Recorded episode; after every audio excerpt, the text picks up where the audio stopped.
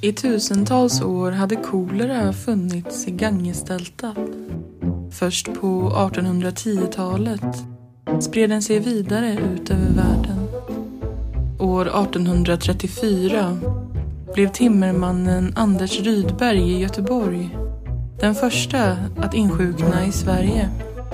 Snart skulle farsoten drabba fler platser i landet.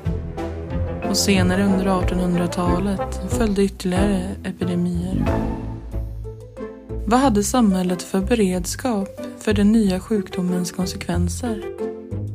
Hur fördes den offentliga debatten om saken? Och varför har just koleran fått ett sådant fokus jämfört med många andra åkommor som drabbat människan? Gästar podden denna gång gör Daniel Larsson. Han är docent i historia vid Göteborgs universitet och lektor i historia vid Högskolan i Borås. År 2015 utkom han med boken Kolera, samhället, idéerna och katastrofen. Ja, men då hälsar jag alla lyssnare välkomna tillbaka till Moderna Tider och eh, framförallt hälsar jag dig välkommen, Daniel Larsson, till podden. Ja, nej, tack så mycket. Tack. Vi ska ju prata lite sjukdomshistoria idag. Det har vi inte pratat så mycket om tidigare faktiskt i moderna tider, så det ska bli spännande och eh, vi tänkte väl ha eh, koleran som utgångspunkt och när den kom till Sverige då på 1800-talet. Men jag tänkte man kunde börja lite med vad kolera är för typ av, vad är det för sjukdom?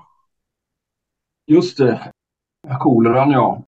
Det sägs väl ofta att den, den är, det är en sån här värsting bland sjukdomar, infektionssjukdomar, just att den, eh, det är en bakteriesjukdom.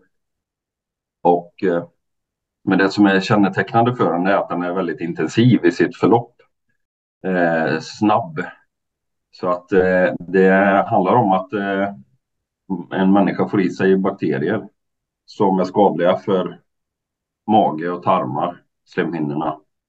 Eh, och får sådana effekter på mag och tarmsystem att eh, kroppen töms på vätska helt enkelt. Och det kan gå ganska fort. Det är diarréer och kräkningar. Och det är väl det som är mest kännetecknande för koleran är att den, den har så oerhört snabbt förlopp då i detta. Både egentligen, eh, både i fråga om att inkubationstiden är ganska kort, alltså från att man får i sig en dos bakterier som är tillräckligt stor för att göra en sjukdom. Men från att man får i sig de här bakterierna till att symptomen så att säga bryter ut. Den tiden är väldigt kort. Det kan röra sig om några timmar bara. Och sen eh, så kunde det också röra sig i extremfall då visserligen, men om bara några timmar från att symptomen har brutit ut tills det att folk helt enkelt dog. Kunde också extremfall röra sig om några timmar faktiskt. Så att det är en en, mag, mag, en bakteriesjukdom, en ilsken, en ilsken sån, ja. Men den hade funnits i, i Indien under lång tid innan den kom till Europa, förstår jag som, eller? Ja, men precis. Eh, vi har, eh, det finns symptombeskrivningar från eh, området där borta kring Gangesdeltat. Där symptombeskrivningar som eh, tyder på att, att det har funnits kolera där i åtminstone ett par tusen år alltså. Och även från eh, kolonialtid senare, portugisiska uppteckningar och andra makter som var där borta stötte på koleran och så. så att den, eh, och även framåt 1700 och 1800-talet så, så, så var den ju liksom känd att det fanns kolera där. Men funnits där länge, ja. Absolut. Vad, vad, vad, har man någon teori om varför den liksom, det dröjde så länge innan den liksom tog sig vidare ut i världen? Ja, det är en sån där eh, stor fråga egentligen, för det, det lyfter ju alltihopa. Man har en sjukdom som har ett område som den trivs i i ett par tusen år och sen så att säga plötsligt då. Det kanske inte är så plötsligt, men plötsligt i det långa perspektivet så börjar den liksom ge sig ut över världen i pandemier. Och det, det där gäller ju flera andra sjukdomar också. Men, men när det kommer till kolan så det verkar helt enkelt handla om, eh, vi pratar början av 1800-talet. Mm. Och att det har att göra med ökad handel helt enkelt. Framför allt kanske här att det är brittisk, brittisk handel och inte minst det här deras Ostindiska kompani och deras frakter och även trupp, militära förflyttningar. Ett ökat sånt helt enkelt gav möjlighet för den här bakterien att så att säga åka med ut eh, i större grad än tidigare. Jag tror det är den förklaringen som är, ligger närmast till hands alltså. Det bara var intressant med tanke på att det fanns ju andra sjukdomar som pest och sånt som långt tidigare tagit sig liksom från Asien till, till Europa. Ja, och det där handlar väl om, jag vet inte, det är något för medicinare egentligen, men, men eh, att just att en del bakterier kanske, alltså pestbakterien har ju andra världar. Kolerabakterien har med det här med vattnet spelar roll och då kanske det måste klaffa så att säga med det här mänskliga, för, mänskligt förändrat beteende. Eh, att det ska haka ihop liksom. Ja, och eftersom som du sa att sjukdomsförloppet är så snabbt så märks, måste ju, det märks, måste ju märkas väldigt tydligt när den liksom bryter ut då i ett samhälle. Ja, absolut.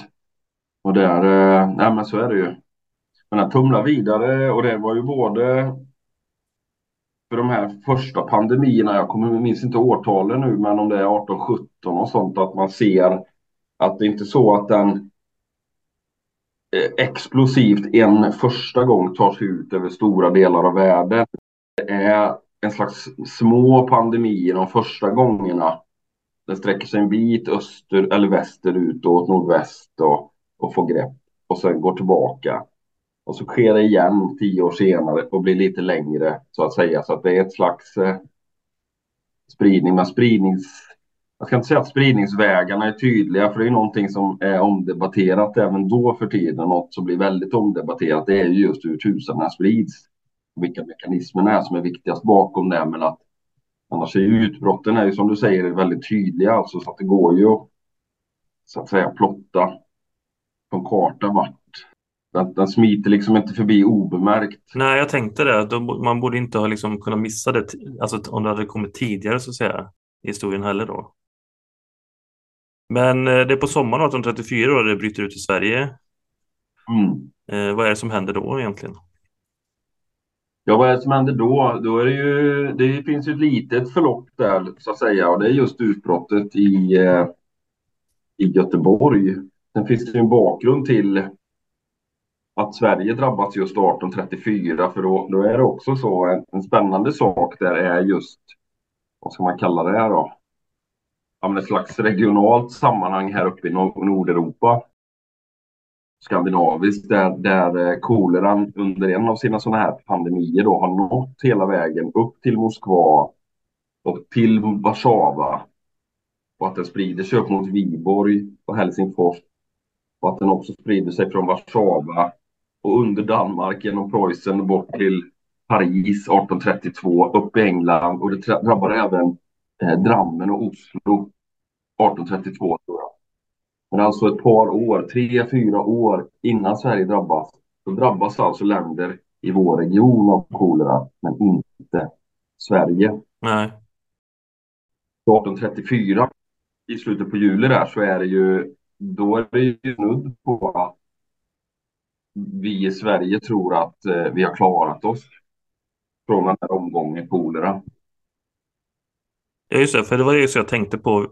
Förstod man vad det var för någonting som hände liksom? Och vad, hur tänkte man att man skulle kunna undvika eh, att smittan kom, kom hit eller drog sig vidare?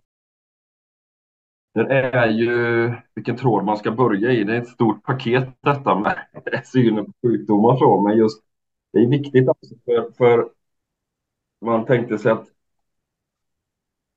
om den nu koleran var, problemet var så här att, att koleran var ju en ny sjukdom för oss. Den var inte, var ingen ny sjukdom borta i Gangesdeltat. Det var man bekant med den och hade kanske beteenden och uppfattningar så här, kring den. Men så, så når den här uppe. Då är det en ny sjukdom. Men vi, vi känner till den Vi talas om den, läkarna har läst om den, sett utbrott, läst om utbrott i Ryssland och sånt 1830 och 31 och sånt där. Så frågan är vilken hållning eh, man ska inta för att skydda sig. Mm. Och, jo, men hur man skyddar sig mot en sjukdom på samhällsnivån har ju att göra med vad man tror orsakar sjukdomen och hur den sprids. Och när det kommer till, då är vi på 1830-talet och då är det lite, lite förenklat så, men så är det liksom två, två teorier som dominerar eh, synen på sjukdomars uppkomst och spridning. Och eh, den ena eh, teorin eh, har att göra med att man betraktar sjukdomar som smittsamma. Att de orsakas av någonting som något litet osynligt levande smittagens som kan gå från person till person eller från person via någonting till person. Och det kallas för den kontagiösa teorin, alltså det kallas för kontagion, den här, det här osynliga smittämnet då, men som skulle vara litet osynligt levande. Men att sjukdomen är smittsam. Så uppfattar man till exempel smittkoppor och pesten. Det var, var man ganska överens om att det där är kontagiösa sjukdomar. De, de smittar, liksom. man kan isolera och sådär för att skydda sig. Men så fanns det en annan tankegång också som kallas för den miasmatiska. Och det var att sjukdomar orsakas av miasma.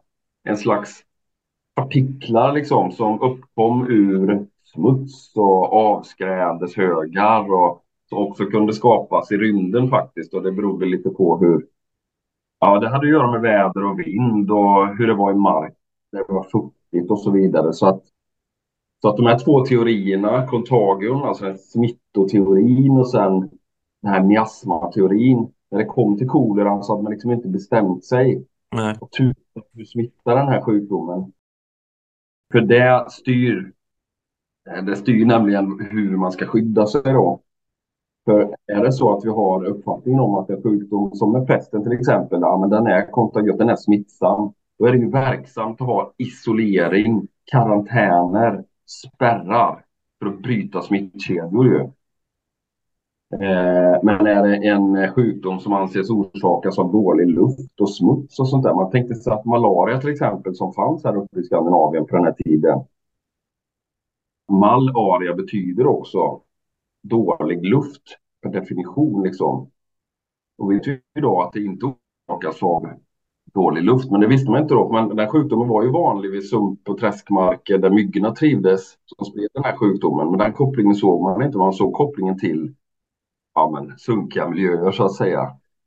Eh, och det är samma med koleran då, för anser man då att ja, men koleran den är mer astmatisk alltså, då, då hjälper det liksom inte med massa karantäner och spärrar och bevakningar och sånt där, utan då måste vi hålla rent. Och kanske använda rökelser och vädra och, och sånt där. Och det var alltså Sveriges hållning, det vi hade landat i och många länder före oss här när epidemierna närmade sig koleran på 1830-talet Eh, var den kontagiösa teorin. Man satte militära spärrar runt städerna och ordnade sådana här, det kallas för kordonger, stora militära bevakningslinjer karantänssystemen aktiverades för att liksom kolla skeppen. Man var tvungna att stanna och visa att man var friska en vecka eller två veckor. Okej. Okay. Och vilken hamn kommer ni ifrån? Kommer ni från smittad hamn eller en fri hamn och så vidare? Och Så ordnades det sundhetspass och så. Men den svenska hållningen var rigorös alltså. Det var en kontagiös sjukdom. Det var, vi hade vaktsystem, karantänsystem. Soldater patrullerar längs stränder och allt möjligt. Så det var liksom eh, den svenska hållningen. Och den var ganska eh, hård så att säga. Och det kan vara så. Jag vet inte det, för det finns. Man vet ju inte vilken roll slumpen spelar när det kommer till sjukdomar. Men att det kan ha varit den här rigorösa bevakningen, eller vad vi ska sätta för etikett på det, men som gjorde att Sverige klarade sig ett par år längre än sina grann, grannländer. Då, då. Ja, men det funkade inte i längden kan man konstatera i alla fall. Det är ju just att eh, och dels för oss idag när vi betraktar det så kan vi väl se just att de här två teorierna att de är svåra att dela på kanske. Det har ju med hygien och vattenansamlingar och smuts. Kolerabakterien trivs ju i det. Men samtidigt är det ju en bakterie som kan smitta så att säga. Men eh, och att det kan bli väldigt slumpmässigt och en del människor man behöver ju inte, även om man får i sig en redig dos bakterier så är det inte säkert att man blir jättesjuk för det. Men du kan ändå sprida det vidare. Du går på dass i nästa stad eller du kanske blir lite dålig och kräks någonstans. Men att det kan ju dröja en dag eller två också och en människa kan ju hinna röra sig ganska långt på den tiden, alltså sprida sjukdomen. Så att det är en, eh, han var timmerman tror jag i Göteborg där, varit ute och jobbat på någon skuta i Göteborgs hamn. Och kommer, nej, han blir dålig på jobbet tror jag. Eh, precis, jag har sett det där obduktionsprotokollet faktiskt. Och det står att han, eh, Anders Ryberg hette han, han, han går upp på morgonen halv sju, tar en kaffe och två stadiga supar. Och sen går han iväg då, men då är han frisk här på morgonkvisten. Men han blir dålig och arbetskamraterna bär hem honom. Eh, och då är han riktigt dålig och kräks och, och sådär. Och dör sen. Och frugan blir dålig och de har någon adoptivdotter som de skyndar sig att flytta på till någon annan del av Göteborg. Men hon är naturligtvis hinner bli smittad också. Och sen är det ett en fruktansvärt utbrott i Göteborg faktiskt. I slutet på juli och under augusti 1834. Men vad fanns det för beredskap för det då? När det väl, när det väl hände? Ja, det är ju läkare och sådana här slags tillfälliga kolerasjukhus.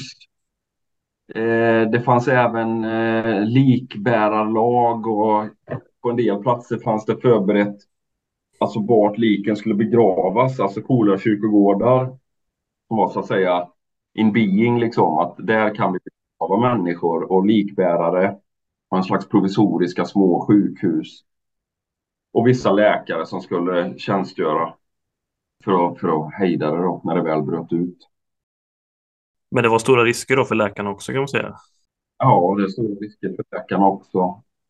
Naturligtvis. Jag har inte sett några studier just på dödligheten bland läkare. Men, eh, men de drabbade säkert eh, svårt också. Sjukdomen är, jag tror, eh, det svåra är att, jobba med sjukdomshistoria och lite, lite längre tillbaka i tid, tidigt 1800-tal, 1700-tal och 1600-tal och sånt, det är att det går att komma åt dödssiffror ibland via kyrkobokföring och begravningslängder och sånt. Kan man räkna efter hur många människor som dog i olika sjukdomar. Men vad vi sällan kommer åt är ju hur många som blev sjuka. Mm. Och det börjar man när koleran kommer, då är vi framme på 1830-talet, mitten 1800-tal och då, då börjar det dyka upp uppgifter om sjuklighet också. Eh, men det, allt tyder ju på att, att dödligheten bland insjuknade eh, låg kring 50 procent. Alltså.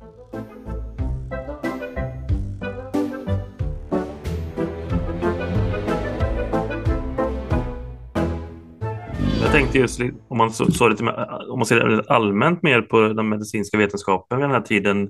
Vi pratar om de här olika teorierna och sånt. Hur skulle du värdera vilken, liksom, hur långt hade man kommit vetenskapligt med, med kunskap om hur sjukdomar fungerar och hur det smittar och ja, saker. Ja, det där är intressant alltså. Det här är ju både lätt att det är jättelätt egentligen att, att vara anakronistisk helt enkelt eller att, att vara dömande. Man blir, eh, jag ska inte säga full skratt, för det är, det är ju eländiga historier man möter när man läser läkarnas rapporter och tittar i begravningslängder och myndigheternas beslut det är fruktansvärda förhållanden och så, men också att just att när det kommer till medicin och behandling så, så eh, är fullständigt verkningslöst alltså. Inte bra. Och olika teorier.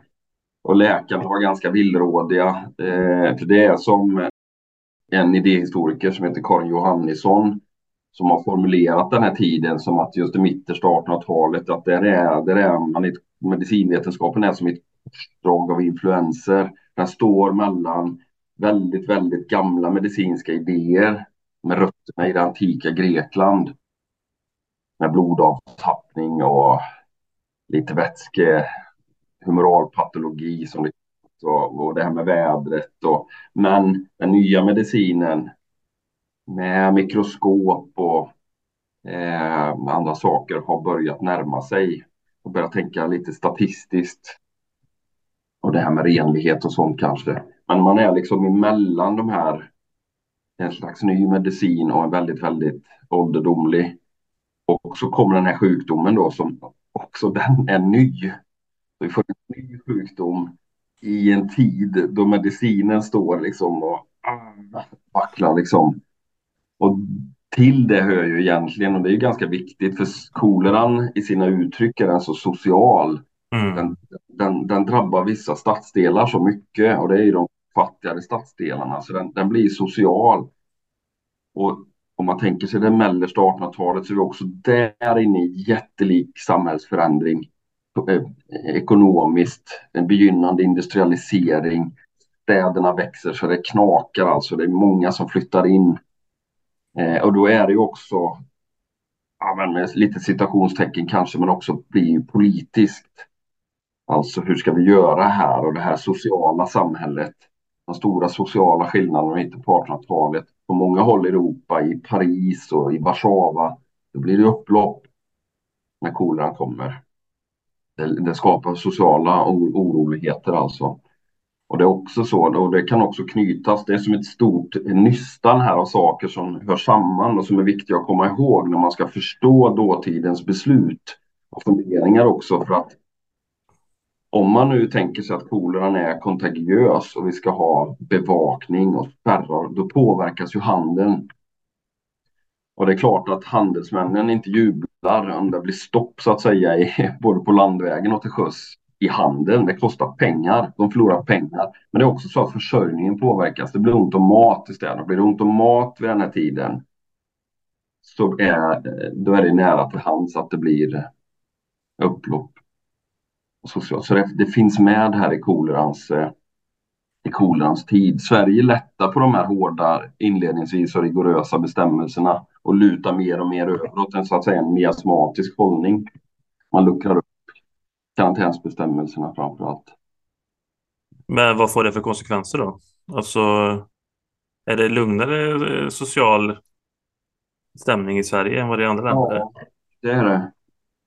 Sen som sagt vad det beror på, det kanske om det är sämre att de fattiga i, i Warszawa eller i Sankt Petersburg i Paris hade, var, var ännu lite fattigare än de fattiga i Göteborg. Det kan vara så, kanske inte. Eller att det helt enkelt är mindre städer och färre. Det är ganska små städer eh, som drabbas sen. Göteborg är ju först ut, men sen drabbas ju Vadstena och Jönköping och Stockholm på koleran från andra hållet. Stockholm är väl en ganska stor stad vid den här tiden, men sådana städer som Vadstena och Jönköping och så, det, det är väldigt små städer så. så eh, det här med upplopp.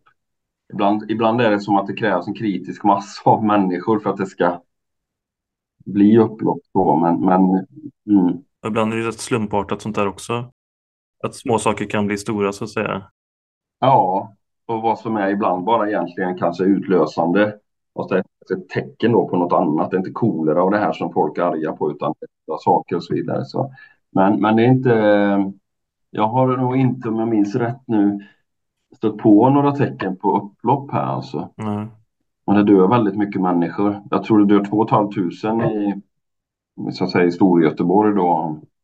Eh, så att det är, eh, det är hög dödlighet och så. Men, eh, så kolan härjar och jag vet inte om det hade hjälpt vare sig den ena eller andra hållningen så att säga. Och det syns ju också i debatterna i riksdagen på hösten 1834 att de här argumenten dyker upp bland riksdagsmännen. Alltså, ja, men det kanske ändå är så att det är bättre att, att det dör ett antal människor i kolera än att hela eh, rikets ekonomi går i punkt. Klart, det kan, kan ju finnas en aspekt där också då att det är fattiga människor som drabbas. Mm. Som kanske inte värderas så högt Nej. i samhället. Så är det absolut. Det finns många vinklingar på det. Det finns, jag läste någon, någon text rörande, för England drabbas ju väldigt svårt men att det är att det finns uttryck för att koleran var, det var en försiktig sjukdom. Så det var på tal om döden och att dö fint eller dö fult. Att det spelar roll, va? Att, att är du riktigt och det kanske gäller alla, men särskilt om man är välbärgad, att du ska du dö socialt acceptabelt, då kanske du ska ligga där i gardinbehängd någon salong och ha en vit näsduk och, och hosta lite sådär och sen kunna ta farväl och lite snyggt så. Medan koleran då, du har kolera, alltså du, du har diarré ihjäl dig. Kroppen tappar så mycket vätska så man, man blir missfärgad i ansiktet och man skrumpnar ihop och det, det finns förfärliga sådana här beskrivningar av hur folk hade blivit döende, ett, ett åldrande på några timmar som någon beskrev det. Kroppen åldras i någon raketfart så blir man blå och skrumpen och vit och, och så diarréar man ihjäl sig. Det är inte så värdigt liksom. Nej, det är inte värdigt. Det är inte socialt acceptabelt att dö på det viset.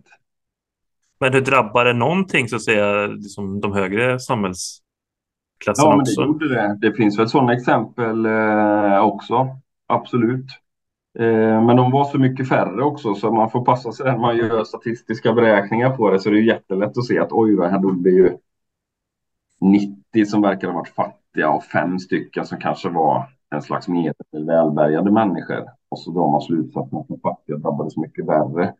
Men man måste komma ihåg att samhället på den platsen kanske var just i de proportionerna så att säga bland de levande.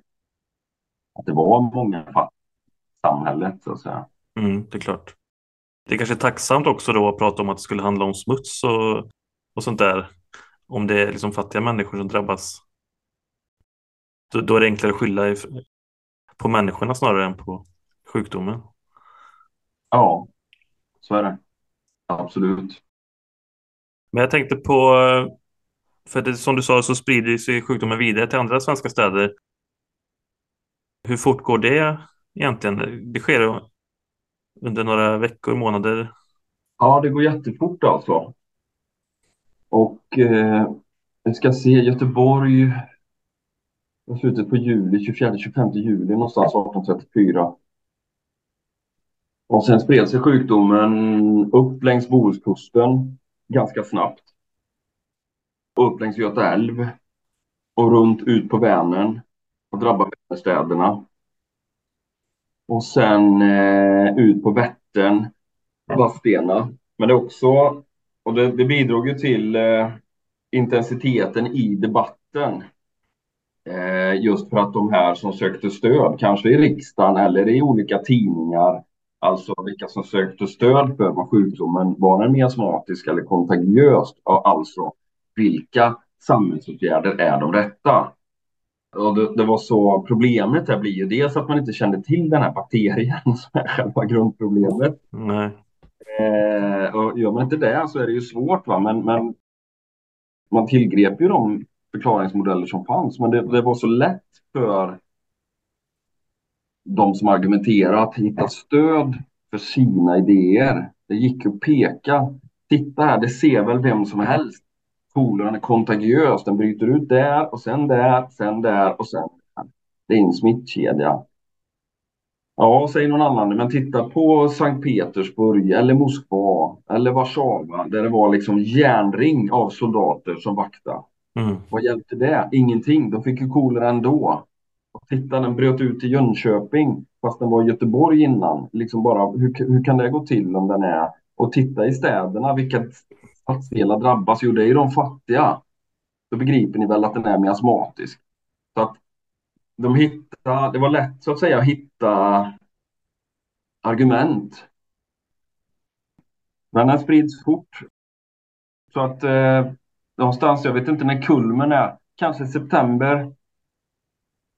För då bryter den väl ut i, jag tror den bryter ut i Stockholm någonstans mitten, slutet på september kanske. 1834 också. Och då fort- det här är den fortfarande i Göteborg.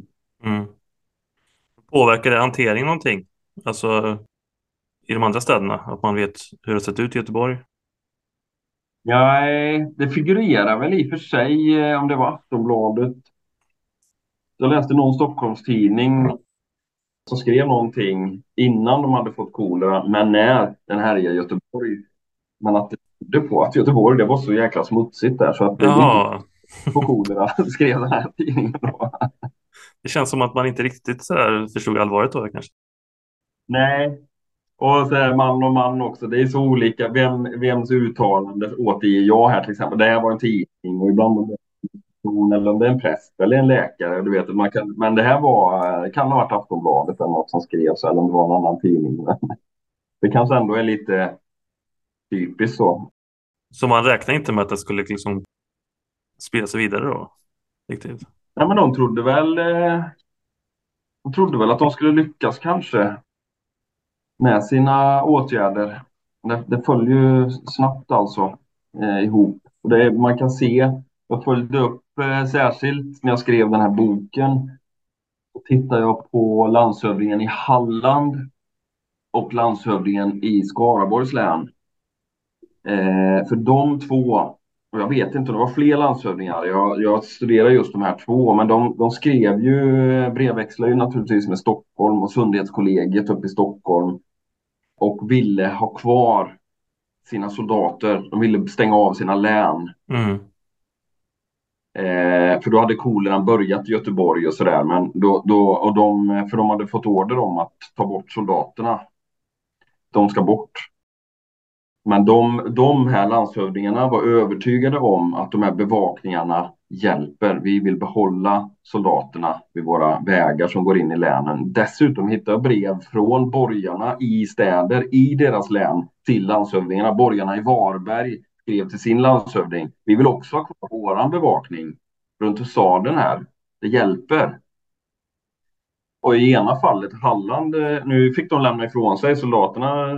Det kunde inte landshövdingarna styra över det sista, till syvende och sist. Soldaterna tas tillbaka, men Halland klarar sig ganska så bra från kolera. Norra Halland drabbas lite grann, men sen klarar sig Halland faktiskt. Men om det är slump eller en ihärdig någon slags bevakning, då vet man inte. Men vad ska komma till är just på tal om spridningen. Jag kan ju se hur landshövdingen i Skaraborgs län vart soldaterna var posterade. Jag vet hur många soldater som var posterade.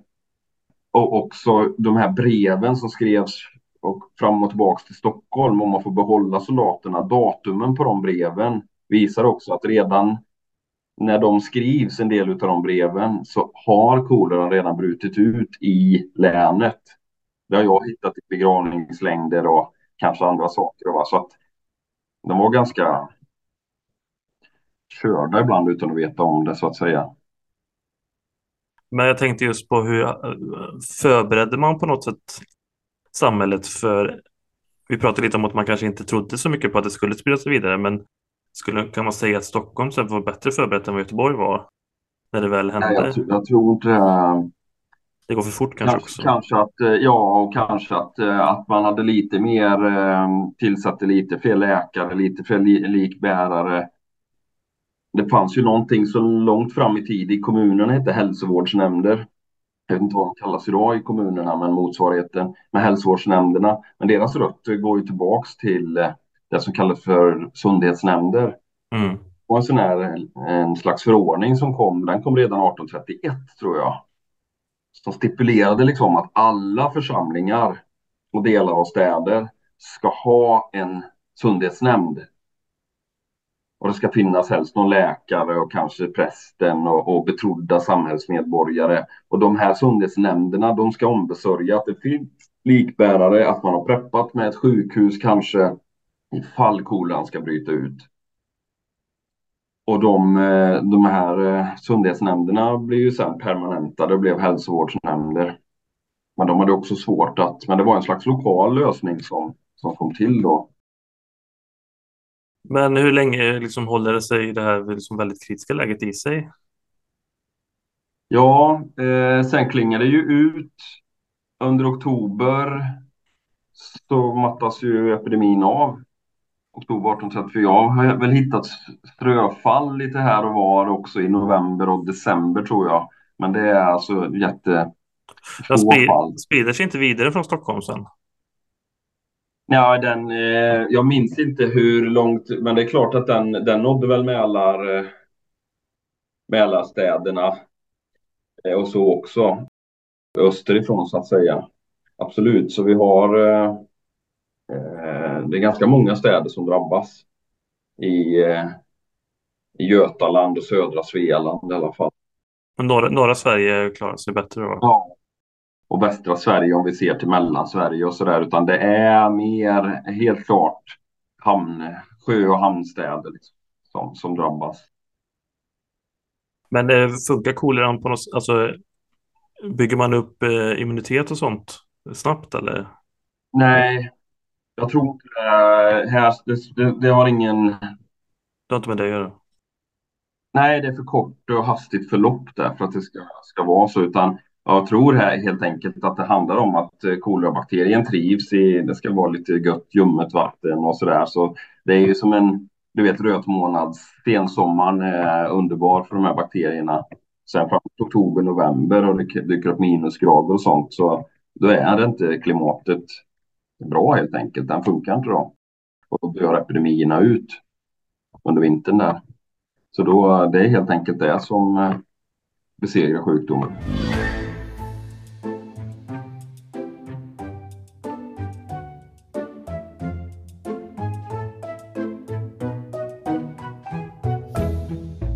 Drar man för lärdomar då när det liksom är över samhället för framtiden?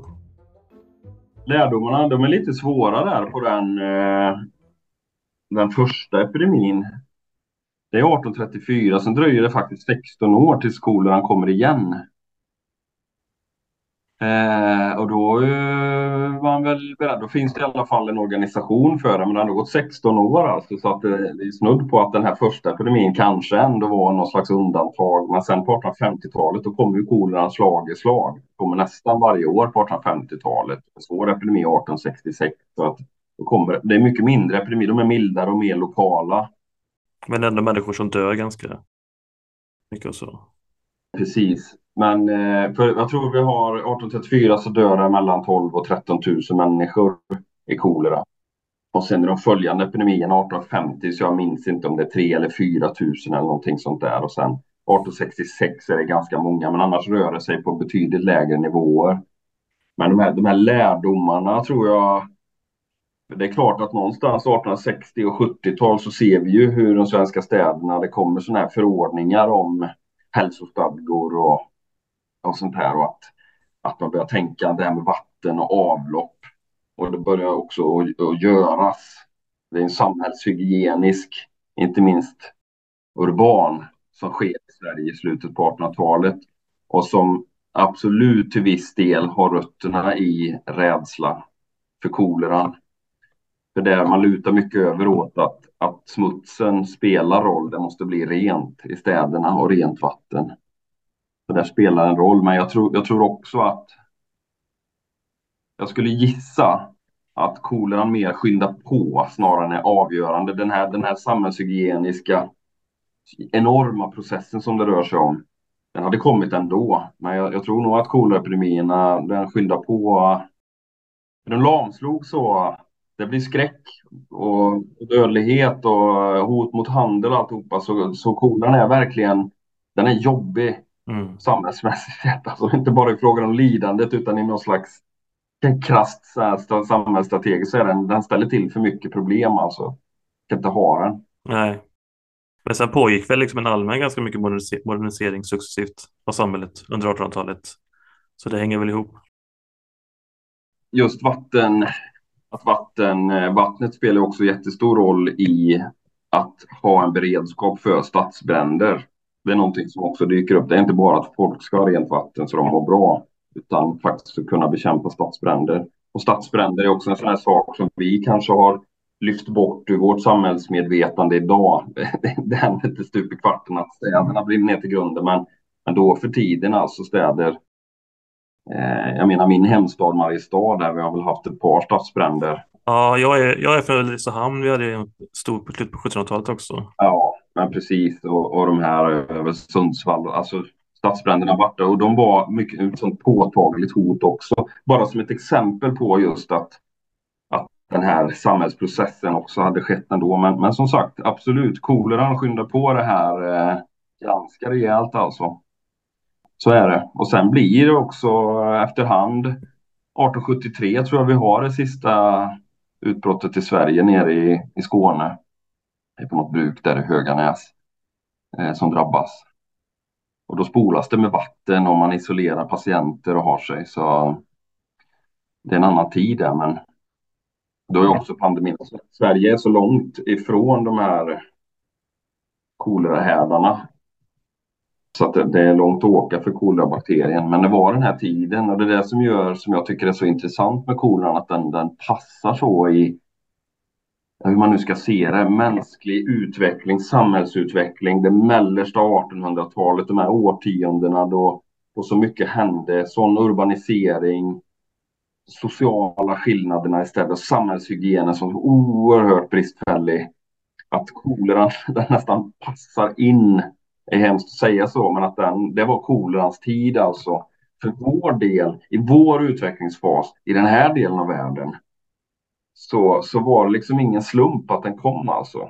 Och hur vi människor med vår beredskap här uppe liksom ser den här sjukdomen kom, det en ny sjukdom och de här resonemangen mellan läkare och man tog del av debatter utomlands och läkarna tycker jag är ganska, när man tittar på rapporterna, så är de ganska ödmjuka i början alltså att en del skriver liksom att ja, men att förklara den här sjukdomen som så som, som så många har försökt göra. Ja, jag, jag kan bara konstatera att det är si och så och sen jobbar de utifrån det. Alltså, så att det finns en ödmjukhet i att man inte har begripit sig på sjukdomen riktigt. Men försvinner den liksom generellt från Europa också i slutet på 1800-talet eller? Jag vet faktiskt inte. Jag kan säkert tänka mig att det är kolerautbrott eh, på platser längre fram också. För man hör ju ibland i samband, nu för tiden hör man ju ofta i samband med naturkatastrofer och sådär att det kan bli eh, kolerautbrott. Och, ja. och det är väl fortfarande så att det är fattiga människor mest som Ja, det är fortfarande så. Ja, så är det.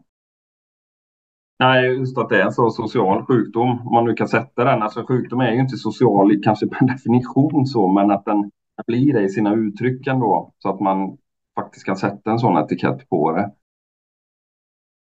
Om man jämför kolera med andra sjukdomar som var stora problem under tid eller över tid kan man säga. Mm. Hur allvarlig var den jämfört med andra sjukdomar och hur, hur såg man på den jämfört med andra sjukdomar? Jag tänkte att eh, människor dog ju på ett annat sätt. Det gick inte att behandla sjukdomar på, ett, på samma sätt innan vi hade antibiotika och sånt till exempel. Mm.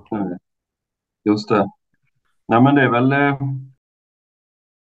det blir många paradoxer i detta för att eh, koleran, den, den, har så, den finns ju i vårt att välja mellan pest och kolera. Vi har ett uttryck för det sådär, va? Men, men de två sjukdomarna egentligen och jämföra dem, om vi tänker nu på skandinavisk botten i alla fall. Det blir ju jättekonstigt, alltså för de är ju inte koleran, ja vad många kan den ha dödat här under de här epidemierna? Jag vet inte, om det kanske rör sig om 20 000 människor eller någonting sånt. Medan pesten däremot, den, den har ju dödat långt mycket fler människor här under sina återkommande utbrott mellan vad det nu är, 1350-talet och fram till 1710-12 års sista förhoppningsvis sista pestepidemi där så har ju den dödat jättemycket människor. Men koleran fick ändå så stor uppmärksamhet och det tror jag har att göra just med att den, ja, den träffar ett samhälle där det fanns press och det har skrivits om den och medicinvetenskapen var i förändring och samhället var i förändring och så påverkade samhället så oerhört mycket. Samhället försökte agera. Jag har en kollega som gjorde en studie på, det var nog 1857, Jönköpings län för då härjade dysenterin. dog jättemycket människor. Det skrevs, inte, det skrevs nästan ingenting om det i tidningarna. Men däremot kom det ett hot om kolera 1857 samma år.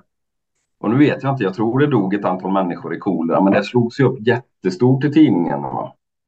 Och fick jättemycket uppmärksamhet i Jönköpings län.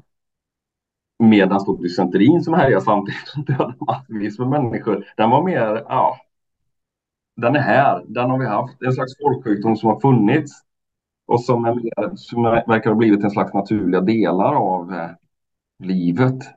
Kolera ses mer som ett undantag då kan man säga. Och ja. har ett starkt symbolvärde på något sätt eller liksom? Ja, symbolvärde och ja, jag vet inte för det. Ja, precis. Jag tänker att människor levde ju ändå med att det fanns mycket sjukdomar och människor dog ju och barn dog ju.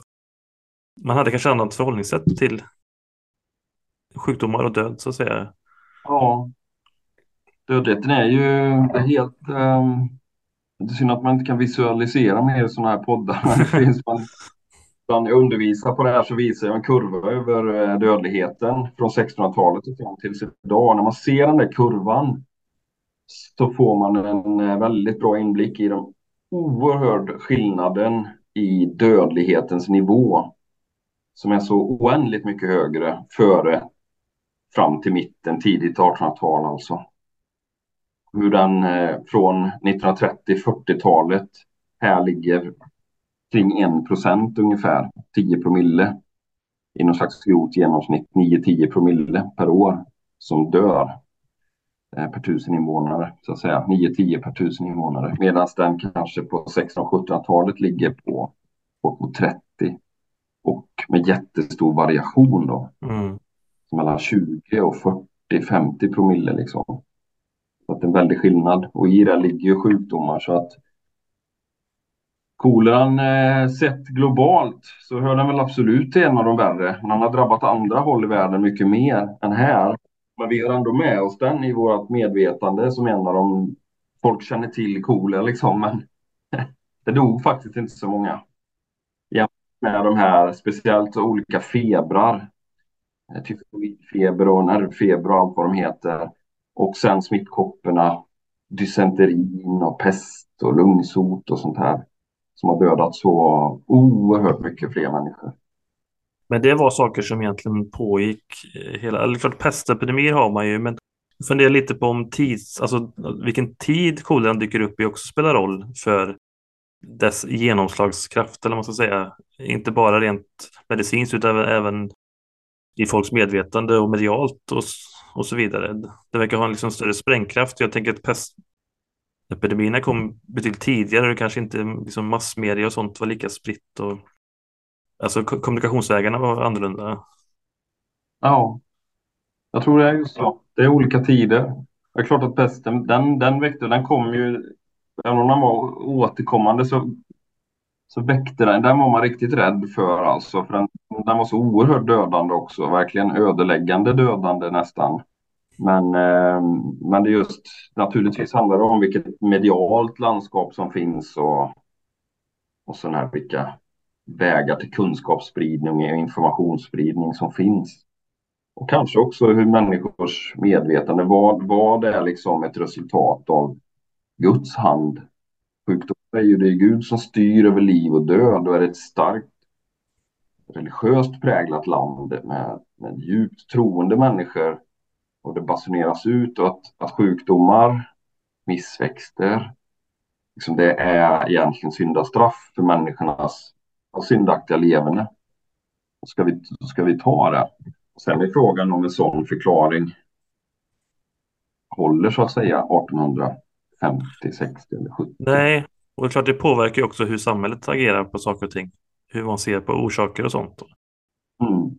Jag, tänker, jag tycker det var intressant också att man ändå hade en diskussion, precis som jag tänker på att vi har ju nyligen själva eh, varit i en pandemi med covid-19 och det där var mycket en politisk debatt om hur man skulle hantera sjukdomen, att det fanns även då just det här med hur mycket man ska alltså försöka hålla borta rent fysiskt saker och ting.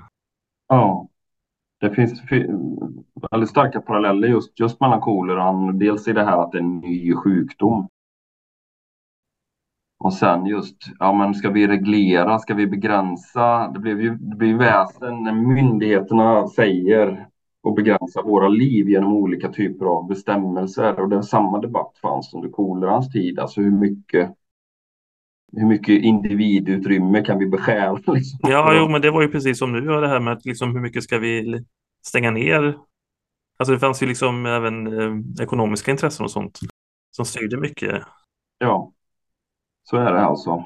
Eh, så där, där är parallellerna starka. Jag blev nästan förvånad under coronan att det var så påtagligt likartat alltså. Jag tänker också att då spelar det också roll att det finns liksom ett medialt samhälle som det kanske inte, som jag sa, kanske inte fanns liksom längre tillbaka. Men på 1830-talet hade ju, då kom ju press, hade ju pressen också börjat komma. Så, alltså man kunde ju ha, alltså åsikter och sånt kunde ju sprida, kring det här kunde ju också spridas på ett annat sätt. Just det.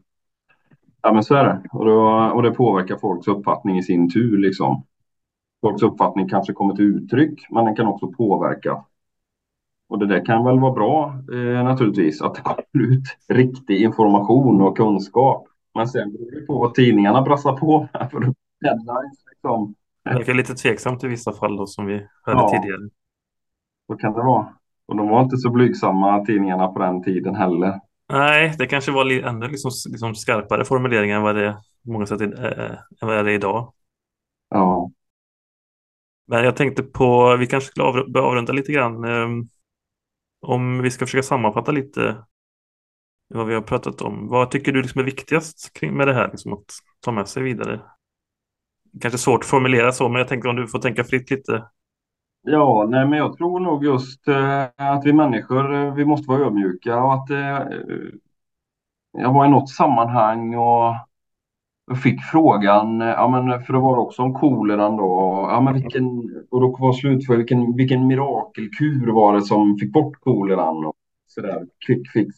Alltså det, det, var, det var ingen mirakelkur. Det var ett jobbigt långsiktigt arbete, samhällshygieniskt, ökad kunskap om, eh, om koleran, alltså att det ligger en process i det och vara ödmjuk inför att, att alla, alla tider och samhällen vi är exponerade alltså för, speciellt med sjukdomar här då, alltså att det, det finns mikroorganismer där ute som, som kan vara och att, att kolan hade sin tid. Man kan prata om pestens tid och, eh, och det är väl lite virus, virusens tid här framåt eh, igen på, på något vis också. Men, men just det långsiktiga och ödmjukhet, men att, att det quick fix är inte alltid tror mig, vi har inte sett de här virusen färdigt liksom som vi eh, har haft under senare årtionden mer kanske. Så det är väl eh, att vi människor, jag vet inte, man behöver inte vara pessimistisk heller. Jag tror vi, vi har så duktiga medicinare och så fin forskning idag så att eh, vi har så bra möjligheter.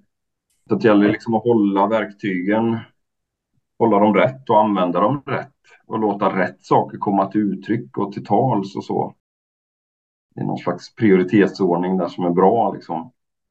Faktiskt med information och sånt där.